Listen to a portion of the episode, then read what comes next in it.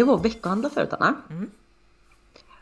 Och ja, man kan ju säga vad man vill att priserna har gått upp, men det, nu är, kan jag säga att nu är det dyrt att leva. Och jag har också märkt att det börjar bli en klassfråga det här med nyttig mat. Ja, nej men alltså Nej, nej, jag känner det. Vi var också, herregud, söndagar, vad gör man inte? Man veckohandlar, eh, det är sen gammalt. Eh, vi var också och veckohandlade och jag var så himla sugen på så här massa färsk frukt, massa exotisk frukt, massa grej.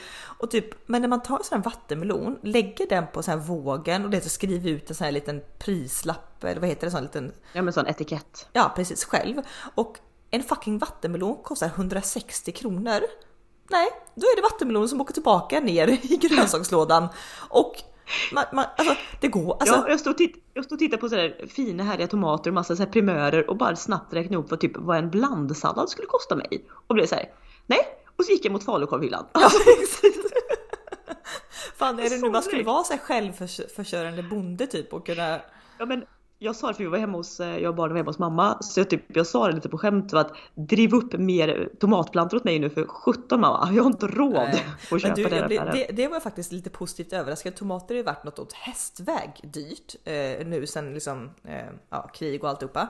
Men de var faktiskt nere på 29,90 kronor kilot mm. nu. Så jag, kan också hälsa att, jag kan också hälsa att röd paprika var nere 29,95 och den var uppe och snuddat på 70,80 ja, för några månader sedan. Ja, exakt. Vi, vi kanske att, går mot ljusare tider prismässigt men fan, annars alltså, blir det falukorv.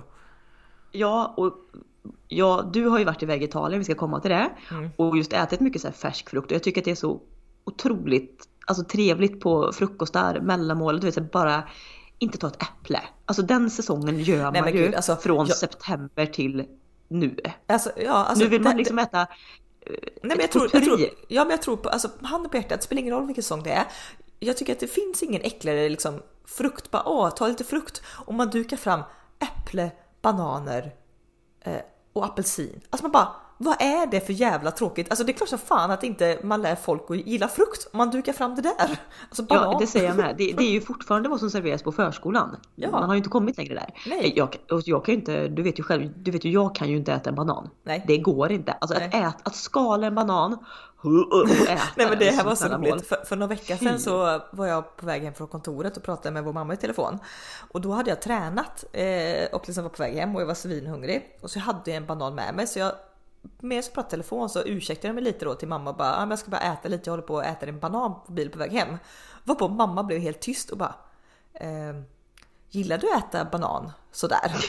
liksom. Och jag bara, nej jag tycker det är så jävla äckligt men nu hade jag inget annat och jag är hungrig liksom. Och man bara, jag kan inte äta banan så. Och då tänkte jag, det är därifrån, jag visste inte det, men det är därifrån vi måste ha fått det, det då. Är det också därför, för jag minns ju när vi fick banan som små, då gjordes det ju alltid bananpeng. Ja. Alltså man skar slantar av en banan med skalet så man fick dra bort den lilla skalremsan själv och äta. Och då var det trevligt och det kan jag fortfarande göra. Ja. Jag kan älska också typ hackad banan i en fruktsallad eller på yoghurt eller vad som helst. Ja. Men jag kan ju till och med vet, så här, må dåligt det var en på jobbet som tränar mycket som bara såhär, ja jag var på Ica och köpte, jag skulle ut och springa så jag köpte några bananer och slängde in mig på vägen. Då kan jag må, alltså jag kan må så jävla illa ja, om någon säger att man äter en banan. Ja framförallt också om jag ser någon äta en banan som kanske blivit så lite brunprickig. Om man vet att den är alldeles här lite alltså mjölig, mosig, sockrig och det bara, alltså det bara växer, alltså, alltså det växer i munnen på mig när jag äter en sån. Alltså jag mår så dåligt. nej, nej, men det, nej, det är vidrigt. Ja. Så därför, eh, därför var ju lite som du också, jag ville köpt eh, vattenmelon, jordgubbar. För övrigt, det har kommit både svenska jordgubbar och svensk färskpotatis i butiken. Hade Oj. man råd med detta? Nej! nej. det såg så trevligt ut. Ja, ja, min tanke är att jag i veckan ska gå förbi, vi har ju en sån liten orientlivs, eller det var ju flera stycken i närheten där vi bor. Eh, och där hade de i alla fall förra veckan innan jag åkte till Italien så hade de två för 60, vilket jag tyckte var ett väldigt förmånligt pris. Och belgiska jordgubbar är ju eh, magiska. Så det tänkte jag, jag hoppas att de har det samma prisbild nu för då ska jag dit och, och roffa åt mig. Ja, alltså så trevligt. Men ja. alltså det känns som att Hej och välkommen till Fruktpodden! Alltså, är det någon som tycker det här? Ibland kan jag känna när vi poddar, eh, alltså världens gulligaste lyssnare, jag vet ju ni är ett par som skrivit och saknat oss. Vi, det har jag liksom ja, det har varit lite upptaget kan jag säga sista tiden så podden har blivit lite lidande. Men jag kan ju stundtals känna när jag och du bara babblar på att bara, vem är det som vill lyssna på detta? Ja, och te- också så här gullig fråga, vad är det att sakna? Ja. Alltså. Men det är väldigt trevligt att de gör det, det är väldigt kul. Ja, och nu kära lyssnare så ska ni få ett riktigt sånt babbelibabb inledning här för att det känns som att jag och du Anna, vi har ju inte pratat på, vi har inte pratat på en vecka. Nej, alltså jag har ju varit i Italien i en vecka eh, och eh, jag ringde dig kort, kort, kort på Facetime bara för att jag ville liksom bara skrika rakt ut av glädje, fnatt, fnitter, extas, eufori över den plats vi var på. Så jag ville liksom Facetime och visa dig, men mm. internet på italienska landsbygden var ju lite sådär.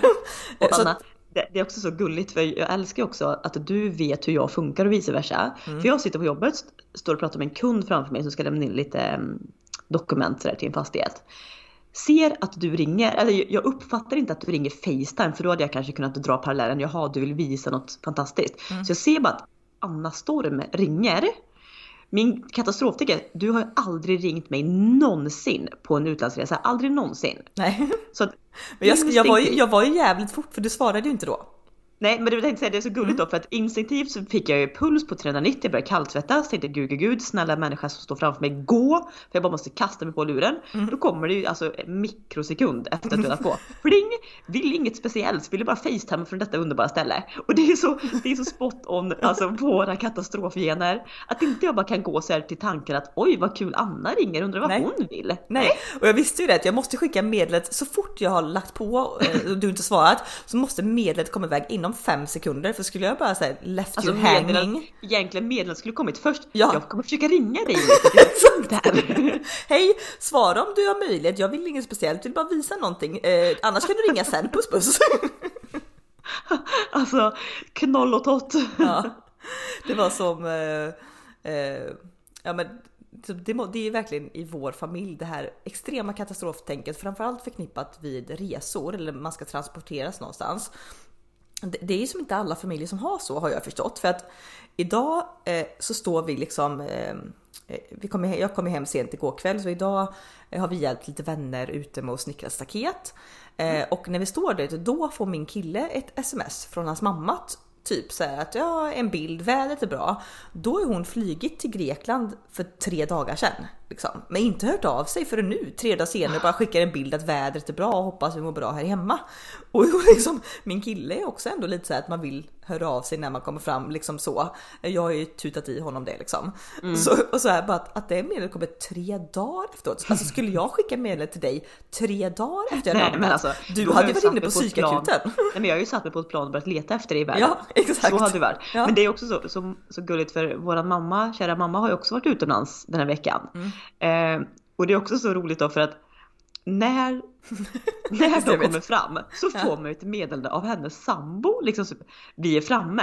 Och sen får man 71 meddelande av mamma då som, där hon beskriver att hon inte fick igång sitt, eh, sitt internet eller sin mobildata. Nej. Men att Benny har meddelat att de är framme och de har ju säkert inte ens gått av flygplanet. Nej, men mamma, mamma har antagligen suttit i fullständig panik att hon måste smsa oss att de är framme. Tvingat då sin sambo att kan du smsa mina döttrar och säga att vi är framme? Alltså. Det är så skevt. Alltså jag orkar inte. Nej, det är så skevt. Men jag måste säga det, det, det är så här. Eh, alltså ibland i min vänskapskrets och familj och sådär, då är det ju bara egentligen så här, du och jag som har varit så här flyg, väldigt flygrädda. Alltså vår kära mor då har ju resfeber och lite sånt, men jag skulle ändå säga att jag och du är mer flygrädda där. Ja, mamma skulle jag inte klassa som flygrädd. Nej, mer än lite nej, det hade inte heller. och pirr i magen och så här. Nej, precis. Och, och, ingen annan i min vänskapskrets eller direkta omgivning är just flygrädd. Så, och jag har jobbat på så många jobb där liksom de har tagit flygningar och jobbresor typ med lika stor axelryckning som det är att gå på dass. Alltså typ så. Eh, och jag liksom så här, och det gör ju mig lite stressad för att jag fungerar så om jag är flygrädd och alla andra är kolugna och är så här, ja, ja, för jag, när jag ska flyga då vill jag vara så här att ja, men vi behöver inte prata så mycket om det och vi ska ändå vara i tid för att ska jag stressa också och vara stressad och flygrädd då, då kraschar jag liksom mentalt, alltså det går inte. Så jag Nej. måste vara i tid och förbereda sig och reser man då med människor som är extremt icke flygrädda, då är de så här att ja, men fan, jag orkar inte vänta på flygplatsen, vi kommer dit last minute och lägger Exakt. på såna här liksom stressfaktorer, vilket gör att du är fullständigt nervvrak alltså liksom. Ja. Eh, Nej, men jag kan, jag kan rätt säga att den enda gången som jag har känt att min flygrädsla har varit hanterbar är när jag flög en gång med jobbet varav en person är så flygrädd så en kille så att han grät liksom till ja. och med vindcheckningen. Ja, och då här... kan jag känna så här Oh, nej, ja, men, men för, för, grej, för, grej, nej, men för grejen är så här, när jag märker att någon är räddare än vad jag är, då kopplas jag in i någon sån här beskyddar modersroll. Mm. Att jag ska så här, lugna den som är mer rädd. Så då är det som att ungefär 80% av min rädsla, puff, alltså, den försvinner. du, det här undrar jag då för att jag tänker ju igen då att nej, jag har heller inte en enda flygrädd vän. Min kille nu flyger ju i sitt jobb varje typ vecka, men, säga, men fram och tillbaka är ju noll flygrädd. Mm. Undrar om man kan så här, auktionera ut att så här, hej hej, för denna flight på Landvetter så behöver vi leta upp den mest flygrädda ja, personen.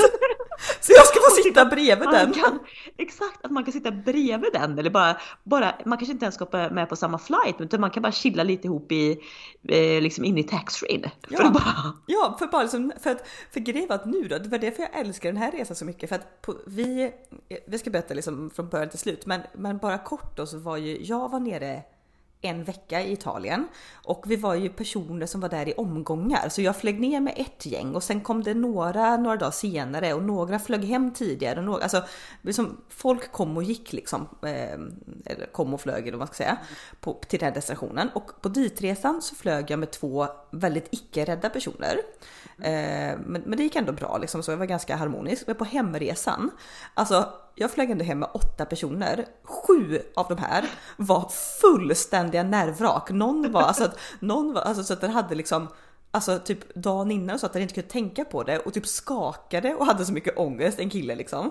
Och, och det, då är jag såhär bara, eh, alltså jag, jag, blir, jag blir så lugn av det för vi pratar ja. ganska mycket om det. Så att för han tyckte det var allra värst på planet men även dagar innan hade också den här dödsskräcken och varför gör jag det här och alltså typ mm. allt, allt, allt man kan känna igen. Mm. Eh, och då sa jag det att ja, men jag har kommit fram, fram till två väldigt eh, intressanta saker med flygningen.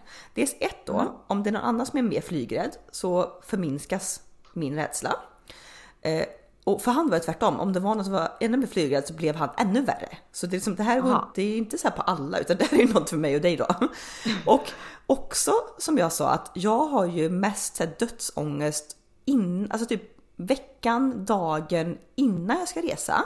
För det är som en kombination av att jag är rädd för att flyga och att jag slits bort från min trygga punkt, alltså mitt hem och så. Så att jag ska jag ska ut och resa, jag ska kanske resa på jobb. Jag har inte valt det själv. Det är så jävla onödigt. Vad tänk om jag kraschar? Varför utsätter jag mig för mm. det här? Alltså det är mycket de rädslorna.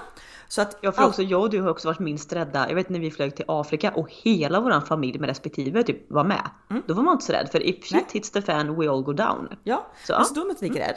Men det jag också kommit fram till nu är ju att alltid när jag ska flyga hem från destinationer, typ inget flygrädd.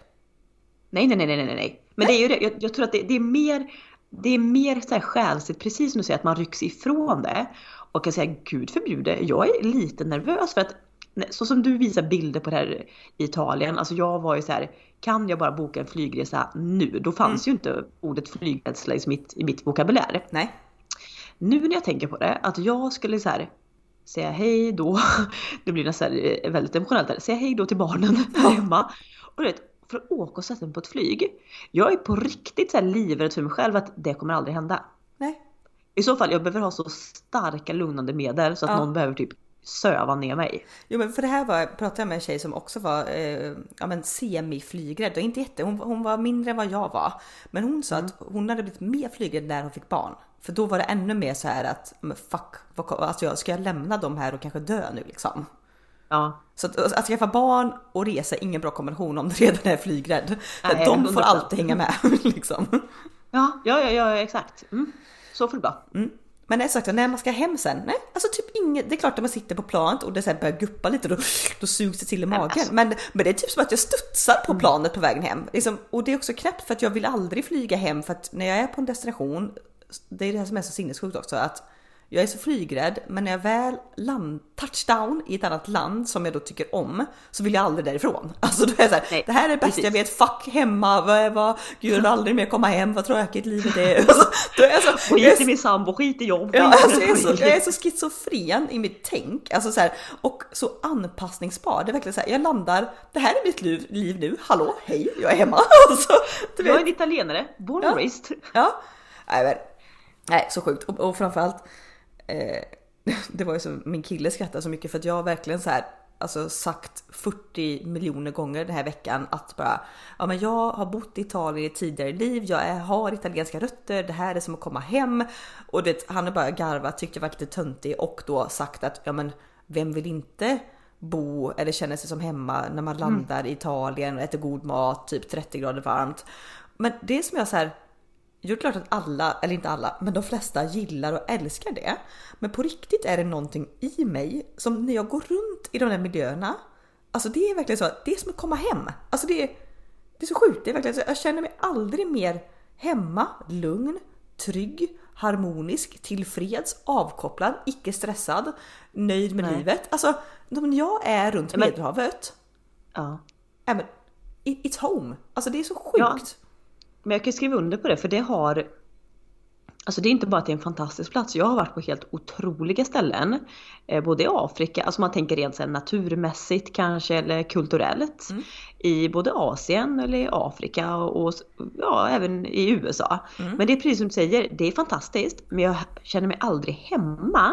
Nej. Så som jag gör kring Medelhavet. Det är jag menar, om man har varit där i ett tidigare liv bara eller om man, man gillar den mentaliteten och kulturen och, och allt vad det innebär. Men jag är så lugn, jag är så trygg. Alltså det är så här, ja, det, och, det finns inget att oroa sig för. Det är verkligen så här, ja, om jag trillar ner för klippan där och super i ravinen och dör, ja. Alltså det, ja, då dör jag lycklig. Alltså, nej, och, ja, och grejen är så här inget otäckt. Nej, och det som är så eh, Alltså för mig som är så inspirerande och verkligen så här typ, som gör att jag känner mig hemma.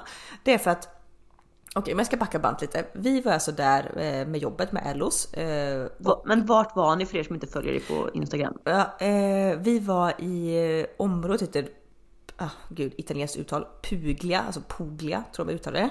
Mm. Det är alltså fastlandet på Italien och om man tänker att Italien är som en stövel så är det klacken på stöveln. Mm. Så typ sydöstra Italien. Det är sjukt att jag har, jag har aldrig hört talas om stället Nej. förrän du var där nu. Nej, inte jag heller. Alltså, men ändå inte. är det ett fantastiskt resmål vad jag har förstått i efterhand nu. Att ja, det... och det är tydligen eh, det är ett väldigt, alltså ganska dyrt resmål. Eh, så det, men det är väldigt mycket så italienare som åker dit för det är deras typ Rivieran. Men det är bara, alltså bara de väldigt rika som åker dit för det är väldigt dyrt att, äta, bo och leva och så där liksom. Men, men det, det är ju väldigt, alltså det är mycket turister och, och sjukt. Men som du sa, jag har aldrig hört talas om det förrän jag var där liksom. Men det är väl också för att just i alla fall från eh, från Sverige så går det inga direktflyg dit.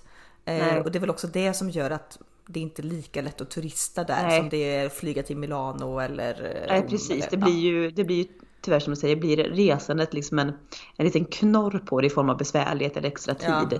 Då väljs de resan i mångt och mycket bort. Exakt, ja framförallt om man bara ska ha en weekend eller charter. Mm. Ja, så. Men vi var alltså där, eh, jag var där i en vecka och vi fotade ja, men så här, kampanjplåtningar. Vi hade tre olika kampanjer som vi fotas som kommer komma upp eh, på hemsidan och, och, och sådär.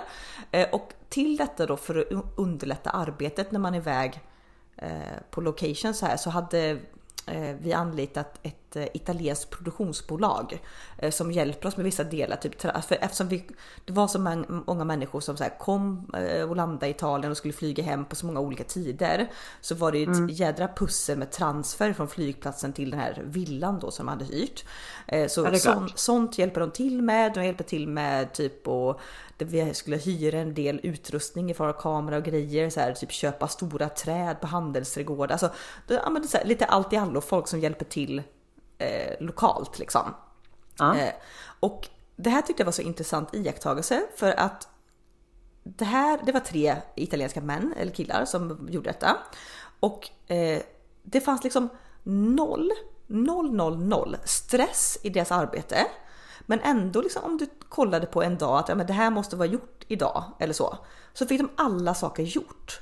Men det var inte, det var liksom, det fanns ingen stress och det var inte så att vi gör det nu utan vi kunde lika gärna göra det om fyra timmar eller 20 minuter eller liksom, alltså, ja. noll stress. Men de fick ändå allt jobb gjort. Och det här tyckte jag var så intressant reflektion för att flera från liksom vårt team då på LOs var, var lite så halvirriterade på de här tre italienarna och tyckte så här, ja men gud, liksom de, de, alltså att det var så olikt svenskt beteende. För att, man, att, det, att det gick för långt, att de tycker att ja, deras typ, a, approach är för långsam? Ja, för långsam och för manjana, att en inställning är för manjana typ. Att de, typ för, har du exempelvis då anlitat ett svenskt produktionsbolag och du säger så att, ja men eh, häng upp de här kläderna, då är de upphängda efter 20 minuter. Här kanske de kunde vara upphängda efter fyra timmar. Det skulle huvudsaken var att det skulle vara klart tills morgondagen, men det, de gjorde det efter fyra timmar och mellanåt gick de och tog en kaffe och tog en öl. Och då så här, det där är jag, men, det är ja, så jag vill vara också. Exakt, och det var det här jag kände då, för jag tyckte för att i de här länderna, det känns inte som att, att det, när vi börjar prata om så här, att folk eh, var utbrända och så, en del visste inte, va? Vad är det för ord? Alltså, Nej, alltså de... det är så här, det jag kan tycka är så jävla skitnödigt med vårt land och vår befolkning, är att det liksom ska finnas... Det ska vara effektivt. Ja, exakt. Och nu tappar jag ordet vad jag skulle säga. Men det är liksom... Eh, men gud. Nej men att, lite så här. Folk tar allting på lite för stort allvar. Mm. Hela tiden. Alltså jag kan märka det i mitt jobb nu, jag kan märka det i tidigare jobb eller allting. Att det är så här, och det ska vara så, så snabbt, effektivt, bla bla bla. Men om man bara så här rycker på axlarna. Och, för så kan jag märka väldigt mycket i, jag pratar, nu tror jag en jobbar parallell, men jag pratar jättemycket med människor. Mm. Och jag märker också och iakttar hur andra folk i mitt yrkesliv pratar med människor. Och det ska vara så korrekt och noggrant och bla bla bla. Och sen har vi, ja men jag och även min kollega som är så här, pratar som att det vore polare. Mm. Kan dra lite skämt, svära lite, bara vad fan, nej vad fan, det hängde sig datorn här, liksom, ja men du, jag, jag får ringa upp dig sen inte ta på stort allvar istället för att typ dra någon vitlögn och stissa upp och det jag märker den responsen jag får av alla jag pratar med så är vi tjenis. Mm. Vi är kompisar och det är alltid lugnt och det, vi kan prata allvarliga saker som lånelöften och juridik och allt sånt där. Men om man gör det på ett sätt där man inte låter så tagen av situationen så upplever jag att alla mår mycket bättre. Ja, och alltså och, och, men just det här att... Det är som sagt, alltså, okej om du är läkare så hänger ju liv faktiskt på dig. Jo. Men i mångt och mycket, alltså jag vet när jag jobbade på Bilia, levererade bilar, så hade jag en säljare som jag störde ihjäl mig på. För den personen var efter typ 10 års tid i branschen lika nervös, stissig och liksom oh, inför en billeverans för att någonting skulle gå fel. Mm. Och jag sa till den personen typ varje gång att du ska inte operera en människa, ingens liv hänger på det, ta det lite lugnt. Ja, går någonting ändå, fel så får man lösa det i efterhand. Och, men, och kanske be om ursäkt om det ens behövs. Men alltså... Exakt. Alltså, nej. nej men jag, jag, kan, jag, jag, jag förstår inte att folk tar, tar grejer för så stort på allvar. För, alltså, det, det finns ju renoveringar det, eller Ja, men det, det, finns ju, det finns ja. ju så här, ett ordspråk som är så här, ja, men ta det inte, ta dig själv inte på för stort allvar för ingen annan gör det. Det ordspråket håller jag inte med om. Jag tycker man ska ta sig själv på för stort allvar. Det tycker jag absolut. Ja. Men jag tycker ta inte dina uppgifter på för stort allvar. Alltså Nej, den! Exakt. För att vad fasen... Mer, att man ska vara en bra person. Det här absolut, där får man skärpa till sig och vara. Men som mm. du säger, uppgifter, alltså prestationsmässigt, det kommer bli hundra gånger bättre om du inte tycker att allt är så. Ja, men det är så intressant där för att som sagt var, i, det här blev då en kul... För att det har blivit en kulturkrock, inte mig och italienarna emellan, men typ många av mina kollegor som är så här rapp, rapp, rapp, att det ska vara ett visst tempo, det ska vara på ett visst sätt. I Sverige gör vi så här, det ska vara ordning och reda, det ska, om, om jag ber dig vika någonting ska det vara vikt korrekt. Alltså det var väldigt så här och många kan uppleva och det här som lite slarviga. Alltså, Ja men exakt, italienarna också, vilket också, nu säger jag och du att vi är italienare, men det är så här, om jag får lite, någon uppgift, jag kan gå och dutta lite i den, greja med något annat, komma tillbaka sen. Ja. Men så är det heller inte så svenskt för då ska man färdig, man ska påbörja det, sen ska man färdig, inte gå ja, därifrån för man har färdigställt får, får du ett mejl och banna mig, du ska du svara på mejlet inom en timme. Man bara, men det brinner väl inte? Alltså jag, måste, jag kan väl få svara på det ikväll eller om fyra timmar eller imorgon eller alltså nej men nej och, och därför så här, det jag tror också hela den grejen är att jag känner mig ännu mer hemma i det här landet. Och det sätt man gärna, typ vi gick till rest, alltså, och jag förstår att det blir en kulturkrock. Jag förstår verkligen det och därför är det kanske inte så lätt typ att bara applicera det i Sverige för hela det här samhället bygger på någonting annat.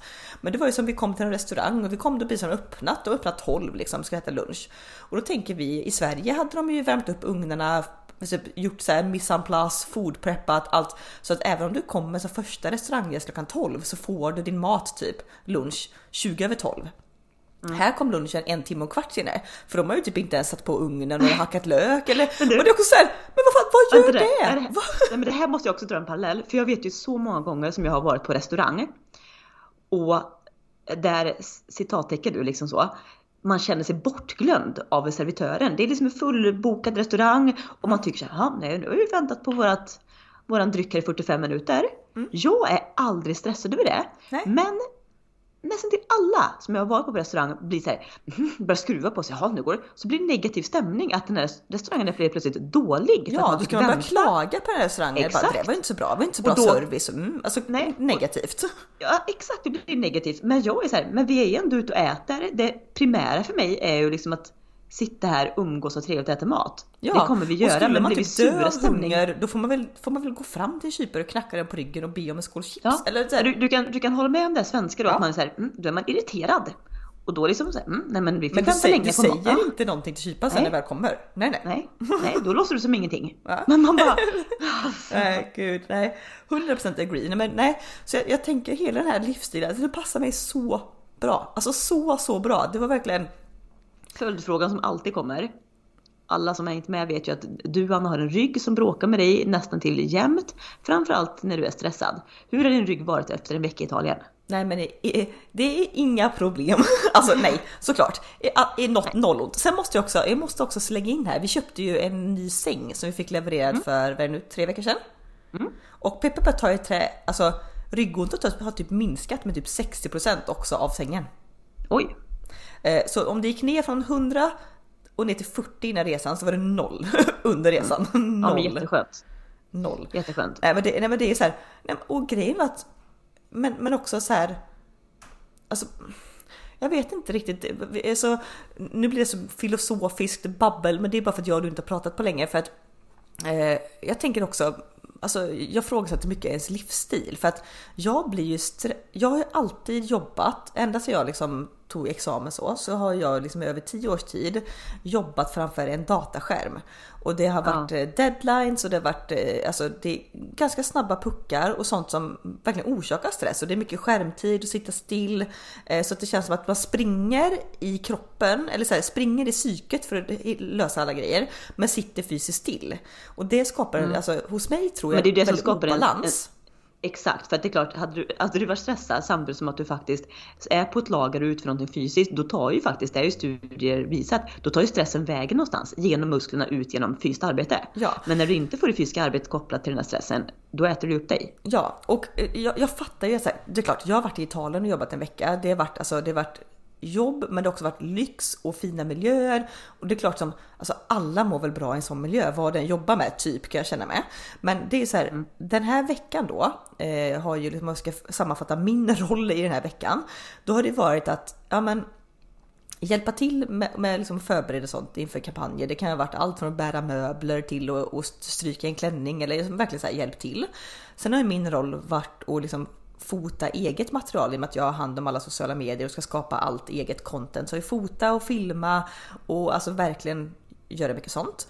Sen mm. har jag ju typ haft med en hel resväska själv med kläder då från Ellos för att jag ska eh, och vill eller ska, jag vill fota det här i den miljön istället för att fota i någon studio i Borås. Liksom. Ja, för det här är liksom bilder som ska upp i Ellos ja. contentflöde ändå. Ja. Mm. Så det här har liksom gjort att under hela dagarna då vi haft här kampanjfotografering så har vi typ börjat åtta på morgonen, slutat vid liksom fem, sex kanske, sju någon kväll. Eh, ja. Så det har varit fulla dagar och då är man ju hela tiden på tårna för att jag måste fota och filma allting så jag kan liksom inte slappna av 100%. Eh, och sen om det har varit så ja men nu är det en halvtimme dödtid, då har jag ju släpat med en påse med olika klänningar, eh, krängt om kläder i någon gränd, liksom fotat med selfiekamera, ställt upp stativ, fotat, fotat, fotat. Så jag har ju haft Alltså fullt upp från morgon till kväll. Men jag har ju, mm. alltså att jag skulle ens kunna bokstavera ordet stress i det, det finns inte. För det är kreativt, det är kul, jag får skapa någonting, jag slipper sitta vid skärm, jag, jag slipper allt.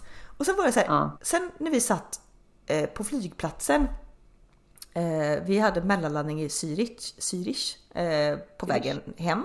Eh, och mellanland, vi liksom hade stopp där i fem timmar. Så då tog jag mm. upp mejlen.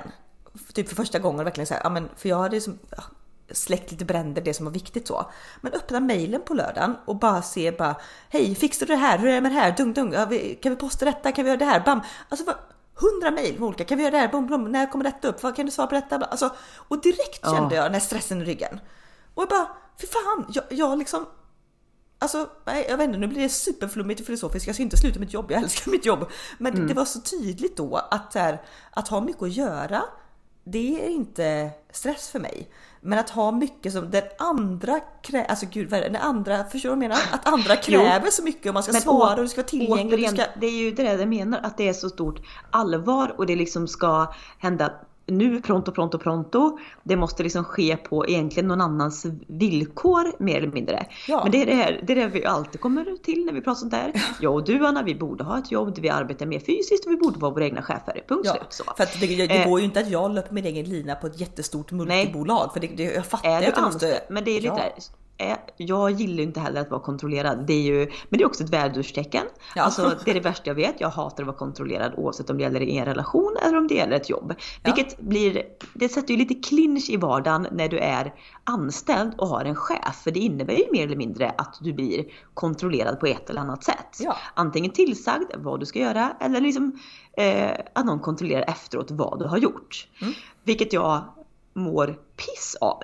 egentligen. Ja. Hade jag fått göra allting på, alltså men det, jag fattar, det går inte, det går inte när jag är anställd. Jag, jag vet det, jag vet, jag vet, jag vet det. Men ändå är det som att tusen demoner fightas i min kropp varenda dag. Men jag ser alla andra kollegor som får uppgifter tillsagda och blir liksom granskade efteråt.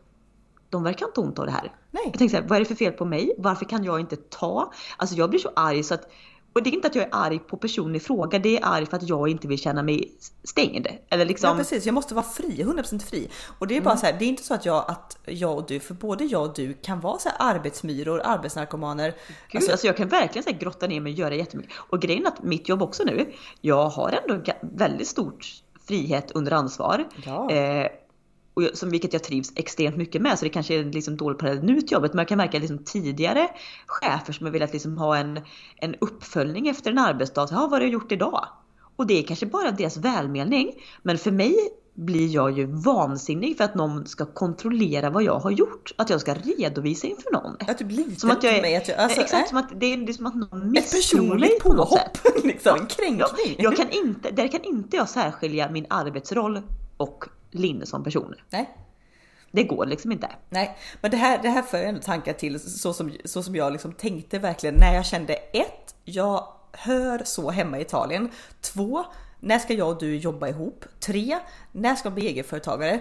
Då slog ju tanken mig, alltså att jag och du jag fattar att det här är drömmar, det är, alltså det är mycket praktiskt så. Men att jag och du ska öppna typ ett bed and breakfast i Italien. Nej men alltså, hade, inte, hade, inte det, hade inte det varit så goals så att... Ja men det hade varit, alltså jag vet inte. Alltså, då undrar jag också så här, för ibland, du är mer än jag, har ibland ställt i frågan, är det här jag var menad till? Mm. Alltså när du är inne, jag kan ju, den platsen jag befinner mig i livet på just nu så är jag, ställer jag mig den frågan kanske 2% på ett helt år. Så. Mm. För jag är väldigt, väldigt nöjd så.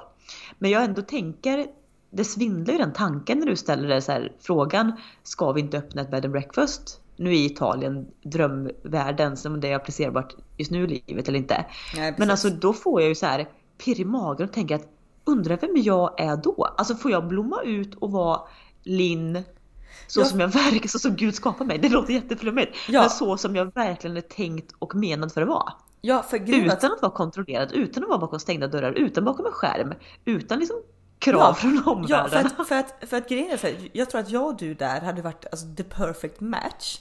Uh, för att du är ju du är ju mer än jag en så här, människoperson liksom. Alltså typ, uh, vad ska man säga? Uh, ja, men jag älskar alltså, jag, att, att vara kund, inom serviceyrket. Ja, ja, exakt. Mm. Jag har ju också 12, vi ska prata erfarenhet, 12 års erfarenhet inom kundyrket. Mm. Och jag är, I'm a pro på att ta folk. Alltså ja.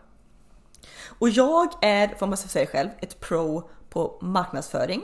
Mm. Eh, alltså bilder, layout, skapa också kontakter. Bis, alltså business är det mer business. du. Jag, mm. jag står för de mjuka värdena och du är lite mer för liksom Ja, och vi båda älskar inredning, trädgård, mat, alltså fina miljöer. Så att ja, du skulle driva... Alltså, jag, du, ja men vi är ju väldigt kreativa och men för mig när jag alltid har hört ordet kreativ så tänker jag direkt att du måste vara konstnär. Att ja. du måste så här, måla, skapa. Det är liksom att vara kreativ, eller författare. Men liksom jag och du är väldigt kreativa för att vi vill arbeta och skapa någonting med våra händer som blir visuellt vackert. Så någon form av konst är det ju. Även om det ligger på tallriken eller om det liksom är ja. att återskapa ett orangeri för folk att Ja, och det, och det kan jag känna mig smickrad för det var ju som nu när vi var på och, och fotade en kampanj så skulle vi göra ett stilleben i form av eh, det här var typ en badhandduk, eh, en vattenflaska, det skulle göra lite så här, ja men bad det kallas ju stilleben inom modespråk. Man lägger mm. bara en, en handduk på, på sanden, man lägger en fin vattenflaska, ett par sandaler så. Eh, och då säger vi har alltså eh, en stylist, vi har en stylist med från Ellos. Sen har vi också en, en eh, kille som kommer gå in och ta rollen som creative director och han är också stylist och han, alltså han stylar för alla stora program i Sverige och alla kändisar. Han, väl, alltså han är en välkänd person liksom.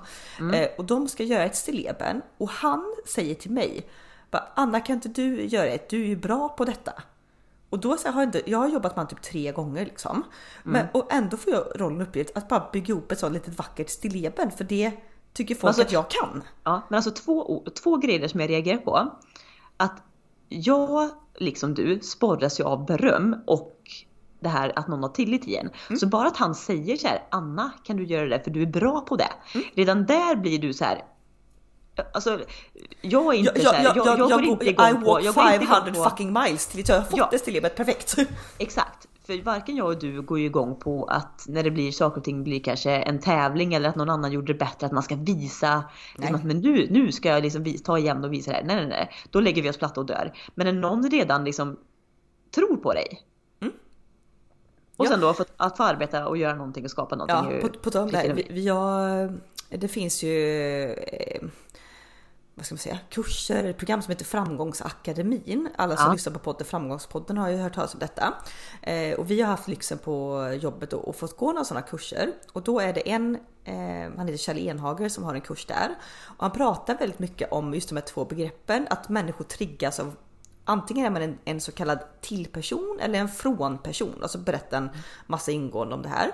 Och det är också de här olika personerna. Antingen så, så triggas de av motivation eller hotivation. Och så här, för, för, att dra som ett exempel på det då. Typ motivation, då är det så här att eh, bara, eh, här kan du eh, eh, fylla i den här enkäten eller göra det här provet. Du kommer klara det så himla bra. Du är så grym på det här. Om du går igång på det så triggas av motivation.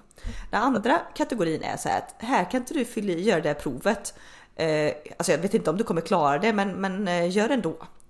Då, då triggas du av, om du triggas av det så triggas du av motivation att jag ska visa, du, du jag eldas igång, ha, du tror alltså inte jag klarar det här liksom. Alltså du rent instinktivt, alltså jag vet ju att jag är den första, mm. men rent instinktivt när du sa de orden på den sista nu så kände jag att typ, jag hatar dig. Alltså när du bara sa de orden, jag vet att det inte ens riktat till mig. Jag var bara jävlig, jävlig idiot. Och så vill jag bara lagt provet på bordet och gått därifrån. Ja, exakt. Alltså om någon säger att jag inte kan någonting, att jag är dålig på någonting, då bara fan, fuck you, hatar det, jag skiter i det, jag går. Om du, ändå, Eller, inte, om du ändå inte tror på mig, varför fan ska jag behöva bevisa någonting då? Idiot. Alltså så exakt. tänker jag då. Ja, men det är också roligt att din kille Anna mm. är ju 200% den sistnämnda. Ja, 100%. Så, så det, det, alltså, för jag, för i min det, finns, det finns alltså, ingen rätt, det finns absolut ingen rätt eller fel. Det alltså, och, och det är klart att du kan vara liksom lite mer det ena än det andra men ändå en mix och du kan vara liksom ganska mycket åt det ena hållet. Men det är verkligen så här att ja, men jag Eh, gud, är det här världens spretigaste podd? Men vi går in på detta. Men, men, eh, men nej, alltså så motivation. Så precis så här, så när han sa att jag skulle göra det liksom. Alltså, och det spelar ingen roll om det han säger kommer från hjärtat eller han bara säger det för att, det ska, att jag ska bli glad. Det, det, in, alltså, orsaken att säga det är skitsamma. Det är bara att höra de orden gör att jag, eh, jag går igång på det så mycket och är så kreativa. Och att så här, Ja men jag har ju suttit, som, jag har suttit så mycket vid en skärm i typ hela mitt liv liksom. Och jag mm. pratade med det med en annan eh, kollega som är stylist. Och just det här att Alltså när man sitter vid skärm alltså 24-7 och med den stressen och typ när man väl kommer hem, just det, för vi pratar om typ olika tv-serier. Typ jag kan vara så att jag kan inte vilja kräkas på att jag typ så här, varje kväll ska kolla på en tv-serie. nog för att jag tycker det är mysigt. Men att sitta vid skärm, jag bara känner att jag, alltså jag måste göra någonting annat. Och den här ja, veckan i Italien. Men, ja, får jag bara bryta, bryta in lite där? Ja. För det, ja, det är ju det jag känner. Antingen så har jag någon form av bokstavskombination. Eller jag har ju tänkt ibland att varför kan jag inte bara, situationstecken nu, ta det lugnt när folk bara, men ta, ta en kväll nu, ta det lugnt. Mm. Och nio fall av tio så menar ju människor, sätt dig framför TVn. Alltså typ, sitt ja. i soffan framför TVn, ät något gott, kolla på TV. Men jag försökte, alltså jag kan ärligt talat säga, det var lördag kväll igår. Eh, barnen har liksom, de sover bra på nätterna men de vaknar sjukt tidigt innan de perioden och de vaknar vid fem liksom så, här, så det är full rulle nu från fem på morgonen och sen går inte de och lägger sig förrän åtta, halv nio. Och då var det en person som bara, men försök att ta det lite lugnt. Liksom, så här, ja, för jag håller ju igång och det är mitt, alltså även på dagarna. Jag kan inte sitta med barnen inne och typ titta på TV eller läsa. Alltså, det, det är action från morgon till kväll. Mm. Jag försöker, jag sätter mig framför TVn. Jag liksom äter upp lite mat som jag har lagat. Det går kanske 6-7 minuter. Sen bara blir det så här, alltså jag börjar titta, liksom, vad finns kvar på TV?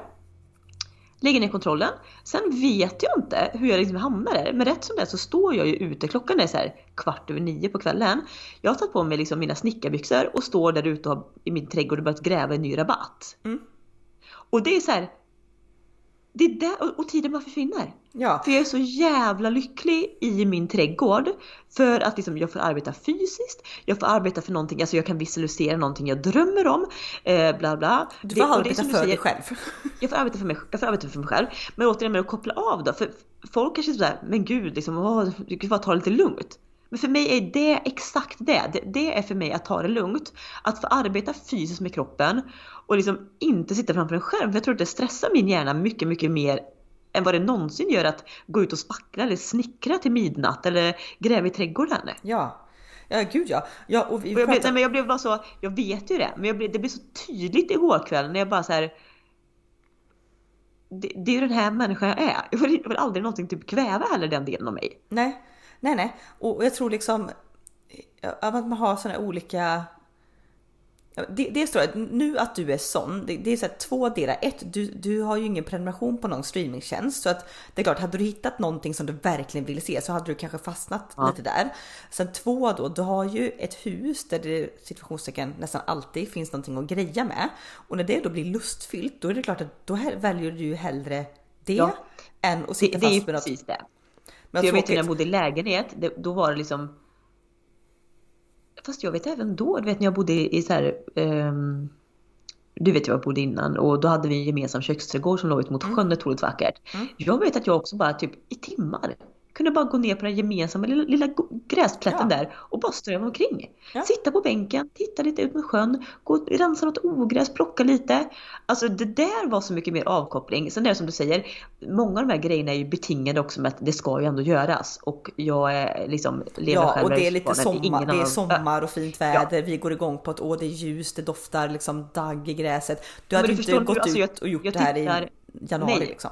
Nej, och du förstår själv alltså, att komma ut där i min trädgård just nu. Päronträden i full blom, alltså det doftar typ Alltså som att någon har liksom hällt ut extrakt av typ honungsparfym i hela trädgården. Ja, så gott. Ja, du vet såhär, jag, jag har inte ro. Att bara, jag kan, jag kan, varför ska jag gå in? Alltså jag, nej, jag, jag hittar ingen mening. Varför nej. ska jag gå in? Nej. Då går jag liksom, då är jag hellre ute tills det mörknar och sen bara gå in och lägger mig och somnar på två sekunder. Ja, men förstå, alltså gud, alltså gud vad det, alltså åh, Italien, åh, sommar och det, jag, Alltså förstå också så här, när då jag hade liksom gjort ändå mitt kreativa under dagen och jag kanske behöver då ladda, för jag redigerar ju bilder. Jag, alltså jag älskar ju bilder, jag älskar att fota. Du vet, alltså, det finns ingenting som jag tycker är så roligt som att fota. Alltså det är alla bara, du vet när jag fotade, jag, jag hade med liksom, jag köpte nya minneskort till kameran. På de här liksom, veckan så tog jag liksom ja, men ungefär 1600 bilder med kameran. Så tog jag minst lika många med mina två olika telefoner. Och många var så här, men vad ska du med alla bilder till? Men det är så här, jag, kan, jag, kan jag, jag går igång så på fota, ser jag någonting vackert, jag måste ta en bild på det för det här är liksom men det är återigen det kreativa, ja du vill ju fånga och alltså Oh, det, jag tror jag pratat om det här tio gånger innan. Men för mig också att jag fotar det vad det än är, om det är en uppläggning på en mat eller om det är en blomma i naturen, gör att jag upplever det Om och alltså, om igen. Ja, när det gäller såna här grejer. Sen tycker inte jag att man ska fram med kameran. Se att man är på ett bröllop och någon gifter sig. Eller liksom nej, nej. alltid att, att barn gör något kul. Nej, man ska inte fram med kameran i alla moment. För då tappar man och lever nuet. Men på men, något sätt som här... ett stilla fenomen. Alltså där, ja blomman står kvar där ute. Så. Ja. När jag tar upp och fotar det, kollar genom kameran, kollar hur ljuset strilar genom bladen på något sätt gör att jag upplever det liksom nästan ännu starkare då. Ja, men också benägen till njutning på sådana platser. Det var som jag pratade med, vi hade en eh, eh, en kvinna eller tjej med oss. Eh, hon är profil, det är hon Kristin Lagerqvist Krickelin som vi har varit mm. hemma hos hennes drömmiga, drömmiga, drömmiga hus och trädgård. Hon var ju med på den här resan några dagar. Eh, och liksom jag kan känna igen mig så mycket i, i hennes Alltså, alltså i, henne, i henne känner jag igen mig så mycket. För att det var så, första kvällen hon kom ner, hon kom ner några dagar senare än vad jag landade. Då gav man sig ut på en liten löprunda första jag kom med för att ville upptäcka området. Men det slutade med att också på löprundan så plockade hon med sig en stor bukett av vilda blommor. Det fanns ju vallmo och gula blommor på ängarna utanför Italien där. Så plockade hon med sig en bukett för att ja, den skulle hon sätta i sitt hotellrum i en vas. Så, leva, mm. så hon piffade sitt eget hotellrum med levande blommor. Sen, nu är hon så person som vaknar väldigt tidigt så det var inte så att hon satte klockan extra. Men när kanske andra då exempelvis makeupartist, det var så roligt hon gjorde ett sånt klipp att makeupartisten och hon gick upp tidigare för makeupartisten skulle sminka henne. Ja. Eh, makeupartisten liksom gick in i köket, bredde två smörgåsar med smör, gick liksom tillbaka in i rummet, åt. Och Kristin då, hon så gjorde verkligen en fin skål med yoghurt, massa frukt, tringlade lite honung, lite nötter. Sen tog hon med den här lilla skålen upp för att du kunde alltså gå upp på hustaket, det var så enorma terrasser på den här villan. Så du kunde upp på hustaket och åt det i soluppgång, när soluppgången över ängarna över hela Italien och Livlunda liksom. Ja men det är också... Ja. ja, och jag bara känner så här, och det är det här när man är benägen till det här lilla extra njutet. Mm. Eh, och, det är också, och det, det är ju också så Ja, men du kanske, jag, jag, jag kanske generaliserar nu, men det, det är så icke-svenskt. Ja. För att tänk italienarna sitter och njuter av maten, åh vad vackert, åh tittar ut, åh det är väldigt mycket att allt är så, åh, åh det är lustfyllt. Ja. Här hemma är det, åh, åh, fy fan det regnar, nu är den sen. Alltså, det är så gnälligt i Sverige. Jag vet. Det är så ja, jag fruktansvärt gnälligt. Ja. Alltså typ, nej, man ska ta livet lite med en klackspark fast, fast man ska vara eller man, man, man får, nej man får inte göra som man vill. Men alltså nej. det med att njuta av små saker. Det är precis vad som händer också i både min och din kropp nu hemma i Sverige. Om vi får ta oss ändå tillbaka till landet just med naturen. Alltså jag är så i ett, alltså jag, jag känner mig så religiös. Ja. När jag går där och folk är så här. Jag klippte gräset för fem dagar sedan. Det är nästan ännu längre nu än vad innan jag klippte det. Mm. Jag hör ju många som bara, klipper det jävla gräset igen nu då, liksom, nu börjar den här årstiden.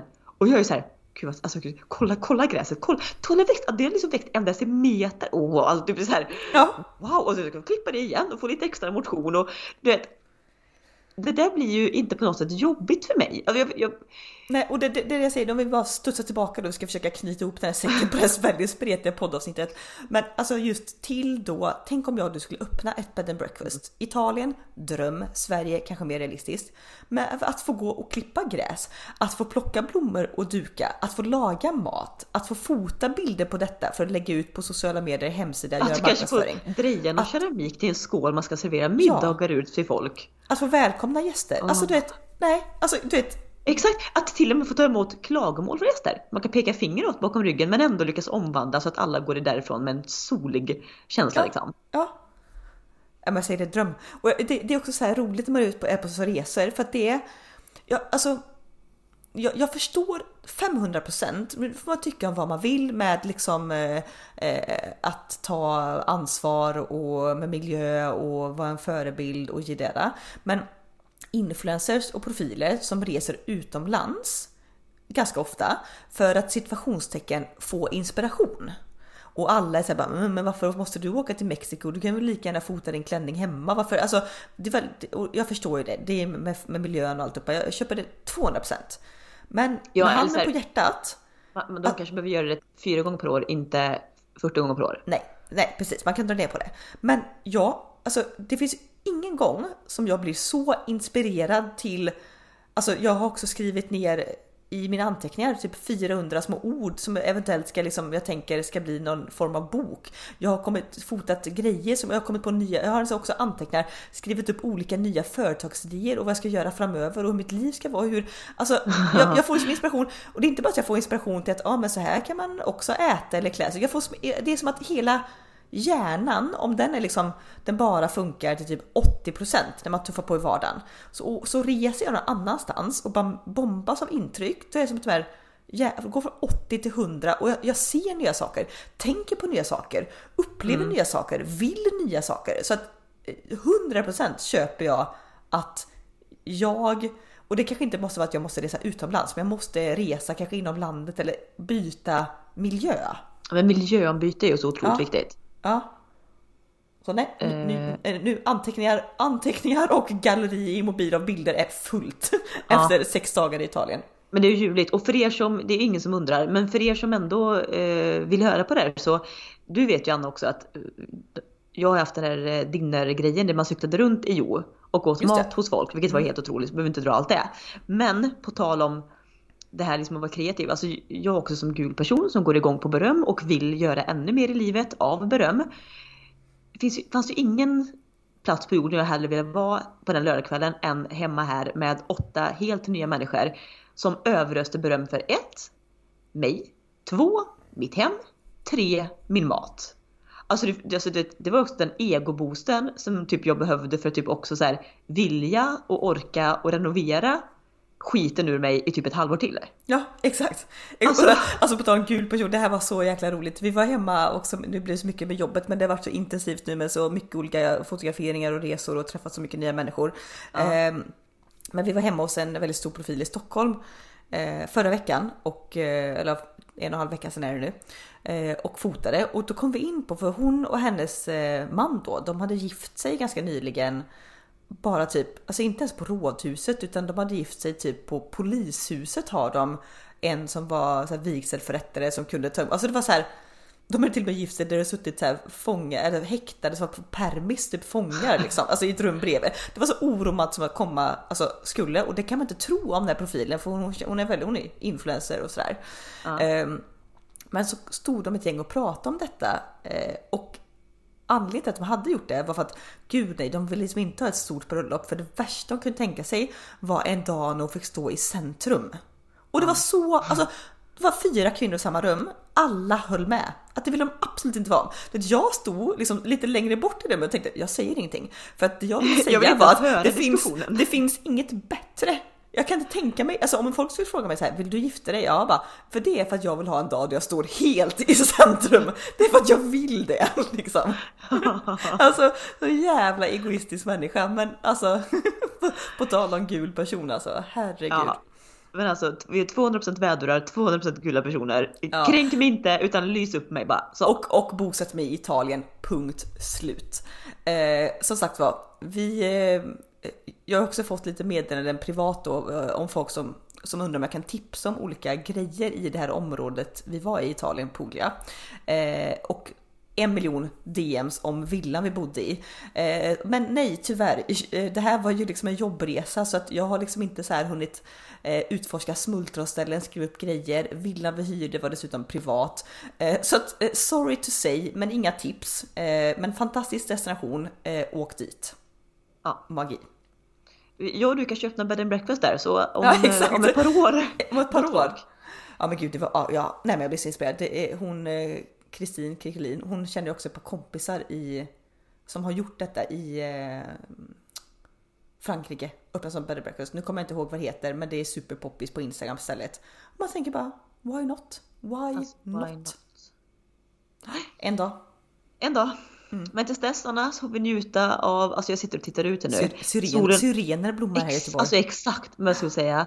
Alltså syrenerna, päronträdet är liksom, det är mer vitt, alltså det är som ett stort vitt moln. Ja. Så kommer syrenknopparna kommer slå ut inom fyra fem dagar kanske. Ja. Jag bara, kan, bara, så här, kan jag bara dra ut en madrass nu?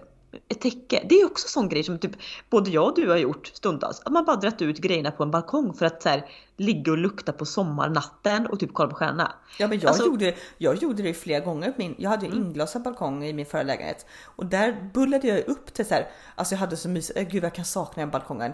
Jag hade så här, ljusslingor på hela balkongen alltså för mycket växter egentligen på för liten yta. Men ja. där så drog jag ju ut alltså världens liksom, tunnaste madrass. Det var ju som att sova på stengolv för det var ju betonggolv på den här balkongen. Eh, och sen typ så här, alltså 17 kuddar, ett stort fluffigt täcke och så sov jag där ute. Gjorde ja. flera nätter. Sen att man vaknade så här 04.47 av att det var som ett växthus där inne för sol. Jag hade ju morgonsol så det var ja, ju liksom. Det var ju, så stel i ryggen så då kan vi snacka ryggsmärtor. ja, exakt. Men det var alltså värt det. Att man får somna till det här liksom ljudet av en stad som håller på och, och liksom lägga sig. Lite fågelkvitter dofterna av sommarnatt. Alltså, exakt såhär sommarnatt, det kanske blir lite dagg, det är kanske är en tropisk natt, kommer temperaturen vara över 20 grader? Alltså ja, det är så spännande. Det är, det är, så mysigt, det är så mycket mys. Alltså, så, det vill jag göra nu, jag vill bara dra fram en madrass, lägga mig under mitt päronträd, varsitt barn under varsin eh, ja. arm och sen bara så. Tack och godnatt liksom. Mm. Ja, nej men ska vi säga tack och godnatt också för den här podden då? Ja, tack och eh, hoppas ni får en bra start på veckan och tack alla goa lyssnare som ändå så sagt har hört av sig och vill lyssna på vårt snickesnack. Ja. Eh, guld värt. Guld värt. Eh, Puss, yes. eller? Ja, tycker vi säger puss. Puss.